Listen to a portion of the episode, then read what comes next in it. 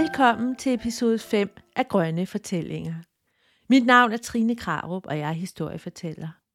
I dag er temaet indre bæredygtighed, eller væredygtighed, som nogen kalder det. Det handler om balance, yin og yang, at være versus at handle. For mig er væredygtighed forudsætningen for bæredygtighed. For når jeg er i balance, så har jeg overskud til at tage cyklen eller toget frem for bilen. Jeg kan lave mad efter nye plantebaserede opskrifter, og jeg har mere overskud til at affaldssortere. Når jeg har den indre balance og hviler i mig selv, så er det heller ikke så vigtigt for mig, om jeg går rundt i den sidste nye mode, eller om min mobiltelefon er over 6 år gammel. I denne episode skal du høre to historier. Den første hedder Mor, Monster, Dæmonen, og den handler om en meget stresset kvinde. Den anden er en gammel nordafrikansk fortælling, som hedder Nabek og Dagara, og den handler om venskab og misundelse. Til sidst i podcasten skal du også høre mit bedste klimatip til dig. Men allerførst Mor, Monster, Dæmonen, som er en historie, jeg selv har lavet.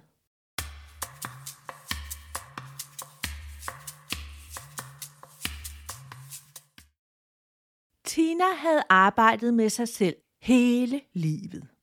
Der var ikke den selvudviklingsbog, hun ikke havde læst. Hun havde gået til et utal af psykologer, coaches og terapeuter, og nu vidste hun faktisk endelig lige præcis, hvad hun skulle med sit liv, hvad meningen var for hende.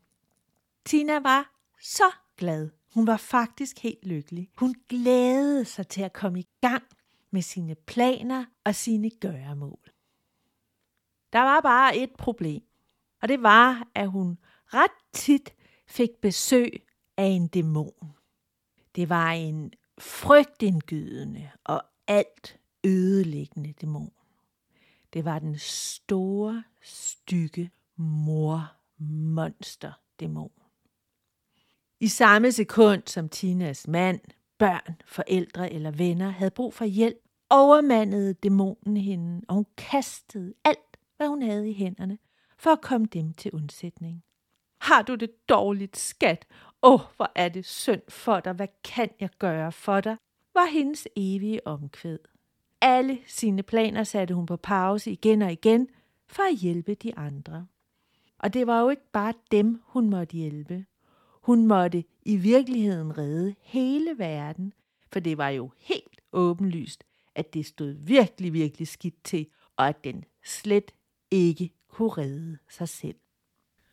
Mormonsterdæmonen opsøgte tit Tina om natten. Så lå hun og bekymrede sig om alt og alle. Og hun tænkte på sine børn og hvad der skulle blive af dem. Hun tænkte på den smeltende indlandsis, de sultne isbjørne, afskovning i Amazonas og insekternes uddøen. Hvad skulle der nogensinde blive af den her verden?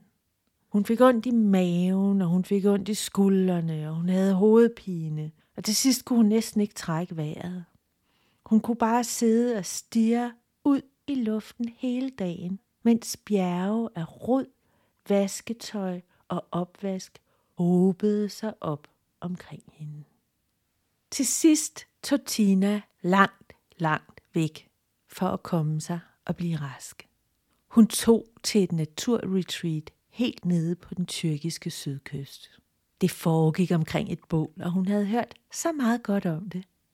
Så selvom hun skammede sig over flyveturen, så glædede hun sig til at komme i balance igen og få sin energi tilbage, så hun kunne komme videre med alt det, hun skulle i sit liv. Men ak, da hun kom frem, opdagede hun, at hun var så dårlig, at hun ikke kunne noget som helst. Mens de andre deltagere samledes omkring bålet og gik i gang med retreatet, sad Tina som forstenet på en bænk og stirrede ud i luften. Hun prøvede at falde til ro og mærke sin vejrtrækning. Efter nogle timer begyndte hun at fornemme luften på sit ansigt og vinden i håret. Og hun kunne mærke, at hendes vejrtrækning blev mere rolig og naturlig. Efter et par dage med bare at sidde og være med vinden, fik Tina så meget energi, at hun langsomt kunne bevæge sig ned til vandet. Hun tog en badedragt på og stak en fod ned i det lune, bløde sommervand. Solens stråler glimtede i bølgerne, og hun lod sin krop synke ned og blev omsluttet af vandet. Hun lagde sig på ryggen og flød og lod sig vugge af bølgerne. Så svømmede hun en lang tur op langs klippekysten, og for hvert svømmetag mærkede hun, at hun fik mere energi og mere ro. Da hun kom op af vandet, lagde hun sig på de lune klipper og lod solens stråler bage ned på sin krop.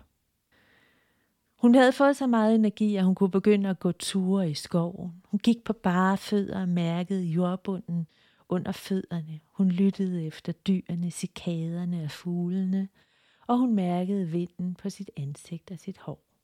Og efter mange dage, hvor hun ikke foretog sig noget som helst andet end bare at være i naturen, åbnede små sprækker op, hvor Tina kunne trække vejret frit og begynde at mærke sig selv igen. Nu indså Tina, at hun var nødt til at tage det endelige opgør med sin frygtelige mor monsterdæmon.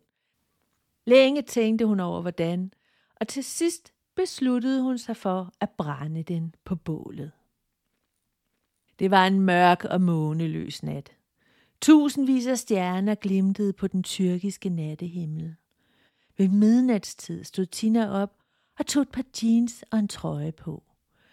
Bleg, men fattet og målrettet, bevægede hun sig op mod bålet. I den lune sommernat mærkede hun den kraftige lugt af salvie og græn, blandet med røgen fra bålet. Hun kunne høre bølgerne slag mod klipperne længere nede, og cikaderne sang.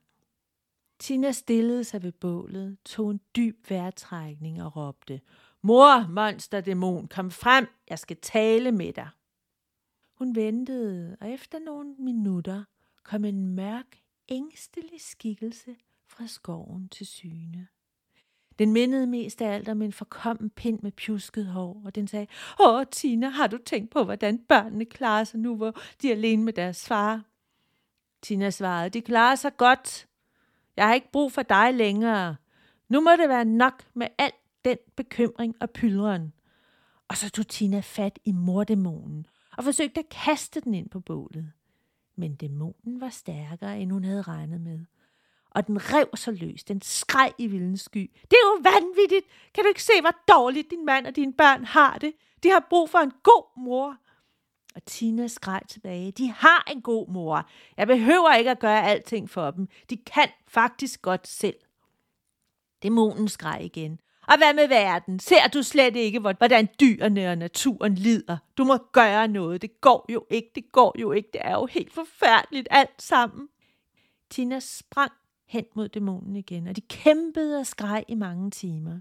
Det var en frygtelig kamp, men til sidst, ligesom dagen gryede, lykkedes det Tina at få overtaget og kaste den store, stykke mor-monster-dæmon på bålet. Et grufuldt skrig flængede luften. Røg og gnister stod op som en søjle over bålet, og lige som solens stråler ramte skoven, dryssede der små grønne hjerter ned fra himlen. Tina lagde sig udmattet på skovbunden og lukkede øjnene. Hun lå helt stille og lyttede til bålets knitren, og efter nogen tid hørte hun skridt, der nærmede sig. Hun satte sig op. Det var en af lederne af retreatet. Hun kom hen og sagde, hej Tina, når er du allerede oppe? Kan du ikke hjælpe mig med noget? Kan du ikke ordne bålet, inden deltagerne kommer? Så det er klar til, at vi kan begynde dagen i dag. Tina rejste sig helt op. Så så hun på lederen og sagde, nej, det kan jeg ikke. Jeg går ned og tager mig en lur.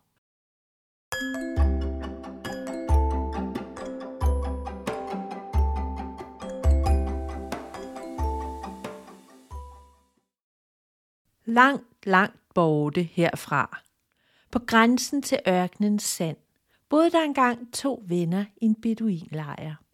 De var vokset op sammen og havde kendt hinanden hele deres liv. De var også naboer. Deres telte lå lige ved siden af hinanden. Nabik, den ene af vennerne, havde en hest. Det var en smuk, yndefuld araber. Letfodet som ørkenvinden, stærk, muskuløs, vild. Om natten, når han red over ørkenens sand, glimtede stjernerne i dens mørke øjne. Åh, hvor Nabek elskede den hest. Han passede og plejede den, han strilede den og fodrede den med det bedste, han kunne finde. Den var hans etter alt og hans store stolthed. Dagar brugte sine dage på at arbejde. Han havde ingen hest. Nu og da fik han et glimt af Nabek og hans prægtige hest. Han studerede det smukke dyr på afstand. Dens yndefulde bevægelser, den skinnende pels og manke. For hver dag, der gik, blev Dagar mere og mere draget af hesten. Den sne sig ind i hans tanker, og hver eneste gang han drejede om et hjørne, spejtede han efter Nabeks hest. Han begyndte at drømme om den om natten, og han drømte om den om dagen. Han ville have den hest. Han måtte eje den. Om natten lå han og vente og drejede sig i sin seng. Han kunne ikke få den ud af sine tanker. Til sidst opsøgte han sin ven. Nabek, det er der gar. Sælg din hest til mig. Jeg vil betale dig godt for den. Og han kastede en lederpunkt fuld af mønter på bordet. Dang! Bæk kiggede overrasket på sin ven. Min hest? Min hest er ikke til salg. Det ved du godt. Men jeg vil betale dig rigtig godt. Se her, Nabek, sagde Dagar og pegede på pungen. Der er flere, hvor de kommer fra.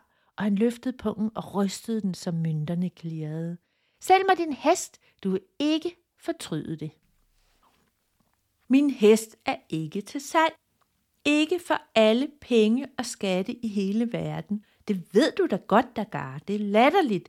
Min hest er ikke til salg. Gå hjem. Og så vendte han sig om og gik sin vej. Den nat kunne Dagar ikke sove. Han vendte og drejede sig og rullede rundt i sengen. Han måtte have den hest. Misundelsen var ved at æde ham op indefra. Over ham glimtede myriader af stjerner, men på jorden var natten måneløs og mørk. Og på det allermørkeste tidspunkt af natten sne en plan sig ind i kringelkrogene af Dagars sind og slog rødder der. Sent på natten, lige inden daggry, krøb Dagar ud af sit telt som en skygge blandt skygger. Han klædte sig i laser og pjalter, smudsede sit ansigt til med kul og tog en gammel beskidt klud over hovedet, så han ikke var til at genkende. Han gik ud i ørkenen og lagde sig på et sted, hvor han vidste, at Nabek red forbi hver morgen. Det blev daggry, og lejren vågnede. Heste begyndte at ride forbi, og der gar ventede. Solen steg på himlen. Så hørte han igen lyden af en hest. Det var Nabek, som kom ridende. Nabek red helt i sine egne tanker, men så så han noget, der lå lidt længere fremme på vejen. Det lignede en bunke klude. Da han kom nærmere, så han, at det var et menneske. Han tænkte, at det nok var en tigger, eller måske en, der var såret. Og ganske rigtigt, da han kom nærmere, kunne han høre nogen klage sig i smerte. Han red helt hen til manden og steg hurtigt af sin hest. Det var tydeligt, at manden havde det virkelig dårligt. Nabek bøjede sig ned og hjalp tiggeren op på sin hest, så han kunne tage ham med tilbage til landsbyen. Men ikke så snart havde Nabek hjulpet den stakkels mand op i sadlen, før manden rettede sig op, sporede hesten og red væk. Da han var kommet et pænt stykke væk, vendte han hesten og rev kludene fra ansigtet. Nabek, det er der gar ved Allah, nu er hesten min, råbte han triumferende. Nabek stod bum stille. Han sagde ingenting, og han forsøgte heller ikke at løbe efter Dagar for at få fat på hesten. Det var en larmende stillhed. Efter nogen tid rakte han sin hånd frem og talte. Dagar ved Allah, det er virkelig din hest nu. Ja, hesten er din, men du må love mig én ting. Hvad skal jeg love dig? Dagar knip øjnene sammen og sikrede sig, at han var langt nok væk, til at Nabek ikke kunne nå ham. Ved alle hesten er din.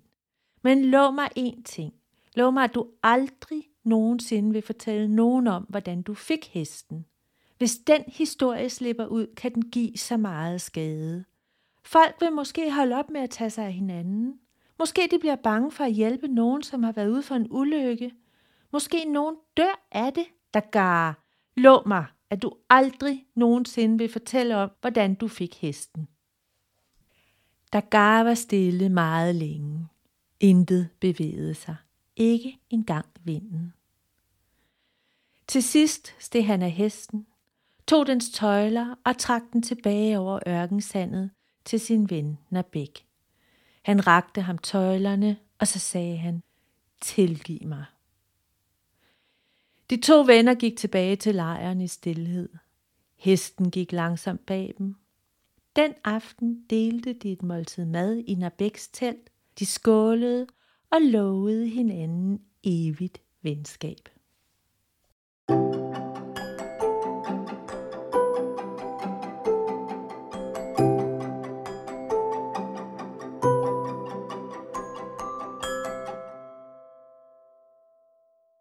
Er tiden inde til episodens klimatip. Ifølge professor i klimaforandringer og glaciologi Sebastian Mernil udleder vores skærmforbrug i dag lige så meget CO2 som hele den samlede transportsektor, inklusiv fly- og containertrafik.